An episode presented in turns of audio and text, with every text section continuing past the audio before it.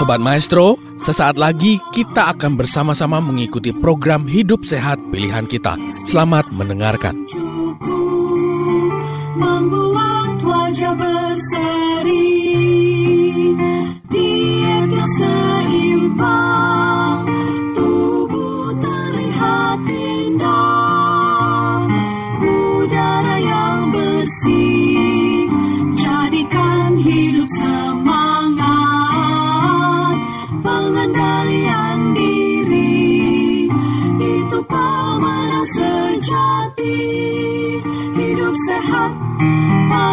Tuhan hidup sehat sangat berharga sepuluh hukum kesehatan hidup Selamat hari sahabat.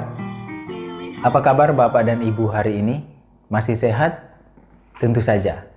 Dan akan tetap sehat. Itu adalah doa kita bersama. Bila Tuhan ada di pihak kita, siapakah yang akan melawan kita? Apakah hanya coronavirus, virus corona yang dalam ukuran nanometer? Tentu tidak. Tuhan kita, Tuhan yang maha besar dan maha kuasa. Mari semangat untuk hidup sehat. Saat ini kita akan membahas aspek nutrisi komprehensif yang keenam, yaitu keamanan. Sebagaimana tujuan dari makanan yang sudah sering saya sampaikan dalam materi-materi sebelumnya, bahwa makanan yang sehat adalah makanan yang mampu menyediakan dan mencukupi vitamin, mineral, dan antioksidan tanpa menyebabkan kelebihan atau kekurangan kalori dan tidak berbahaya bagi tubuh manusia dalam periode waktu pendek maupun periode waktu yang panjang. Paling tidak ada ada tiga hal terkait dengan makanan yang dikaitkan dengan istilah berbahaya bagi tubuh baik jangka waktu pendek maupun jangka waktu panjang. Yaitu yang pertama adalah polutan di dalam makanan. Yang kedua adalah senyawa kimia yang ditambahkan di dalam bahan makanan di dalam proses industri atau di dalam proses pengolahan bahan makanan itu menjadi bahan yang siap jual. Dan yang ketiga adalah kuman patogen yang ada di dalam bahan makanan tersebut.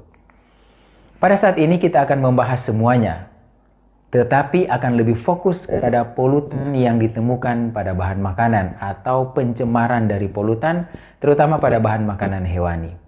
Inilah yang menjadi dasar mengapa kami menganjurkan untuk lebih banyak memilih makanan yang berbasis tumbuhan utuh dan mulai meninggalkan makanan yang berbasis hewani. Pembicaraan saat ini akan fokus terutama pada merkuri yang ternyata ditemukan pada tubuh ikan atau yang ada di dalam jaringan otot atau daging ikan. Tahun 1859, Ellen G. White menyatakan memberikan sebuah testimoni yang sempat dicatat. Dia menyatakan bahwa di banyak tempat bahkan ikan tidak sehat dan tidak boleh digunakan. Ini terutama berlaku di mana ikan berhubungan dengan saluran pembuangan kota-kota besar. Sebenarnya pada awal tidak ada masalah dengan daging ikan. Artinya daging ikan itu tidak mengandung sesuatu yang kita sebut sebagai racun.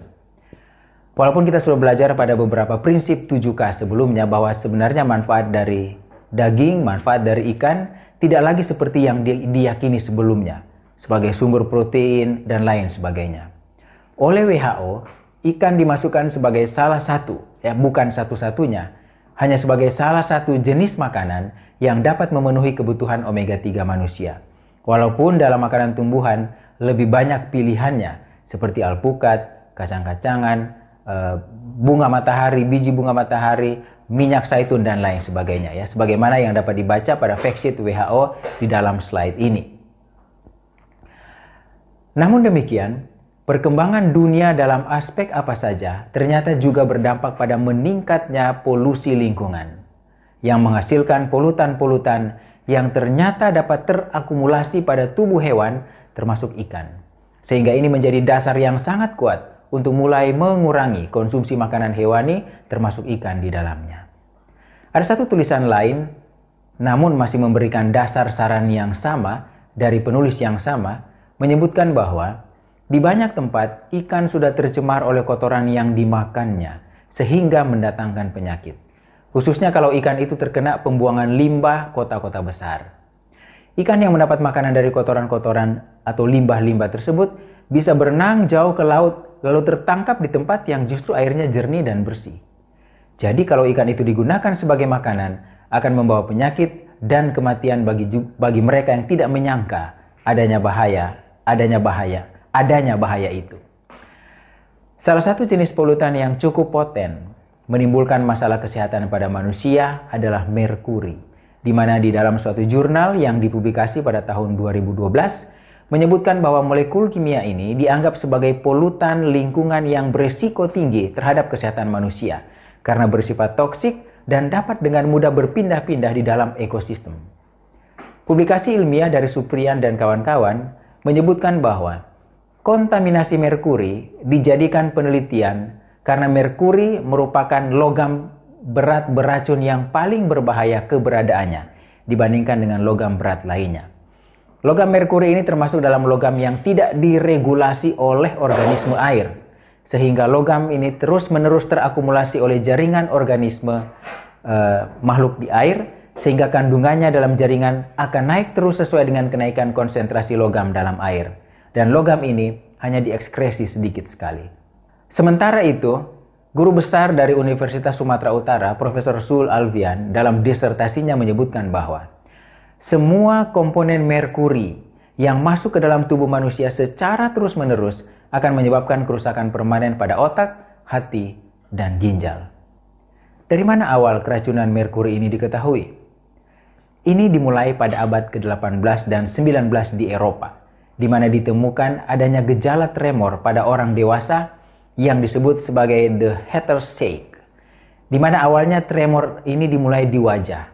Sehingga itulah asal mula kenapa dia disebut dengan heter shake karena orang-orang Eropa senang menggunakan topi, tetapi kemudian mereka e, mengalami tremor, gemetar, ya, karena e, salah satunya adalah merkuri ini.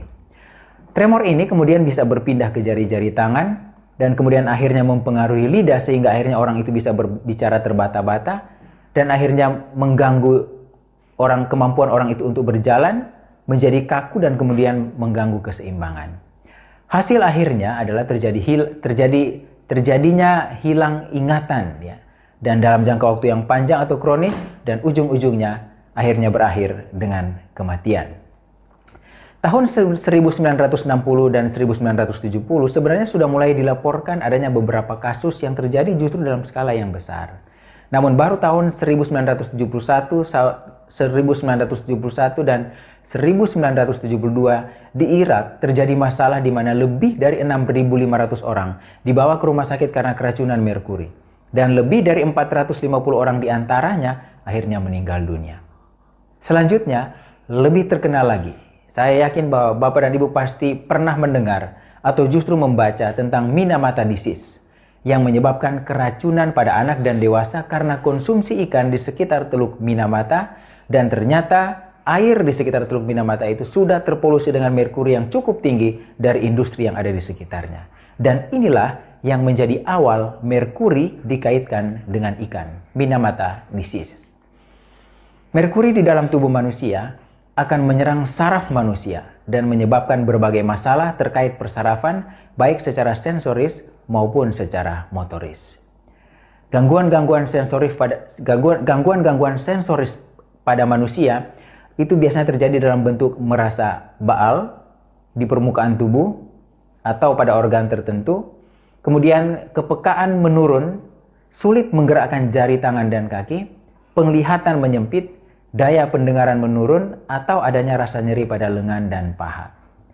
Kemudian gangguan-gangguan e, saraf motoris adalah orang itu akan merasa lemah, sulit berdiri, mudah jatuh, kalau berjalan seperti tidak seimbang, tidak ada keseimbangan, tremor, gemetar, gerakannya menjadi lambat dan kemudian sulit berbicara. Sementara gangguan lain yang bisa terjadi adalah gangguan mental, sakit kepala dan kemudian kelenjar ludah menghasilkan uh, ludah yang sangat banyak dan akhirnya mengganggu orang yang bersangkutan. Mengapa masalah ini bisa terjadi di dalam tubuh manusia? Bukankah manusia memiliki kemampuan untuk menetralisir toksin di dalam tubuh? Ternyata jawabannya yaitu ya dan tidak. Mengapa? Karena tubuh tidak pernah memiliki kesempatan atau memiliki waktu untuk menetralisir merkuri ini. Paling tidak untuk dua alasan. Yang pertama, karena waktu paru merkuri di dalam tubuh manusia itu sangat panjang.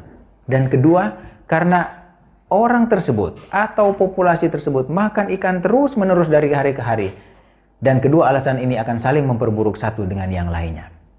Waktu paru maksudnya adalah kemampuan tubuh untuk membuat jumlah senyawa tertentu yang masuk ke dalam tubuh menjadi setengahnya atau menjadi 50% dari jumlah yang masuk. Sebagai contoh, bila merkuri yang masuk 10 sebagai contoh, maka kemampuan tubuh untuk membuat sehingga nilainya menjadi 5 itu yang disebut dengan waktu paru. Dan waktu paruh untuk merkuri di dalam tubuh manusia dari penelitian adalah 70 sampai 90 hari, walaupun ada penelitian yang menyebutkan 30 sampai 60 hari. Namun dua-duanya merupakan waktu yang sangat panjang dibandingkan dengan jenis uh, waktu paruh dari senyawa-senyawa kimia yang lain atau unsur-unsur nutrisi yang lain. Hal ini menunjukkan bahwa kemampuan menetralisir tubuh terhadap merkuri itu terjadi begitu lambat sehingga bila seseorang makan ikan terus-menerus, maka yang terjadi adalah proses akumulasi dan akan mudah menimbulkan gejala toksisitas atau gejala keracunan. Secara laboratoris, kadar merkuri di dalam darah 10-20 mikrogram persen tidak akan menimbulkan gejala. Tetapi bila sudah mencapai 50-100 mikrogram persen, maka mulai timbul gejala terkait dengan merkuri di dalam tubuh. Sobat Maestro, Anda baru saja mendengarkan program Hidup Sehat Pilihan Kita. Terima kasih atas kebersamaan Anda. Istirahat yang cukup membuat wajah berseri.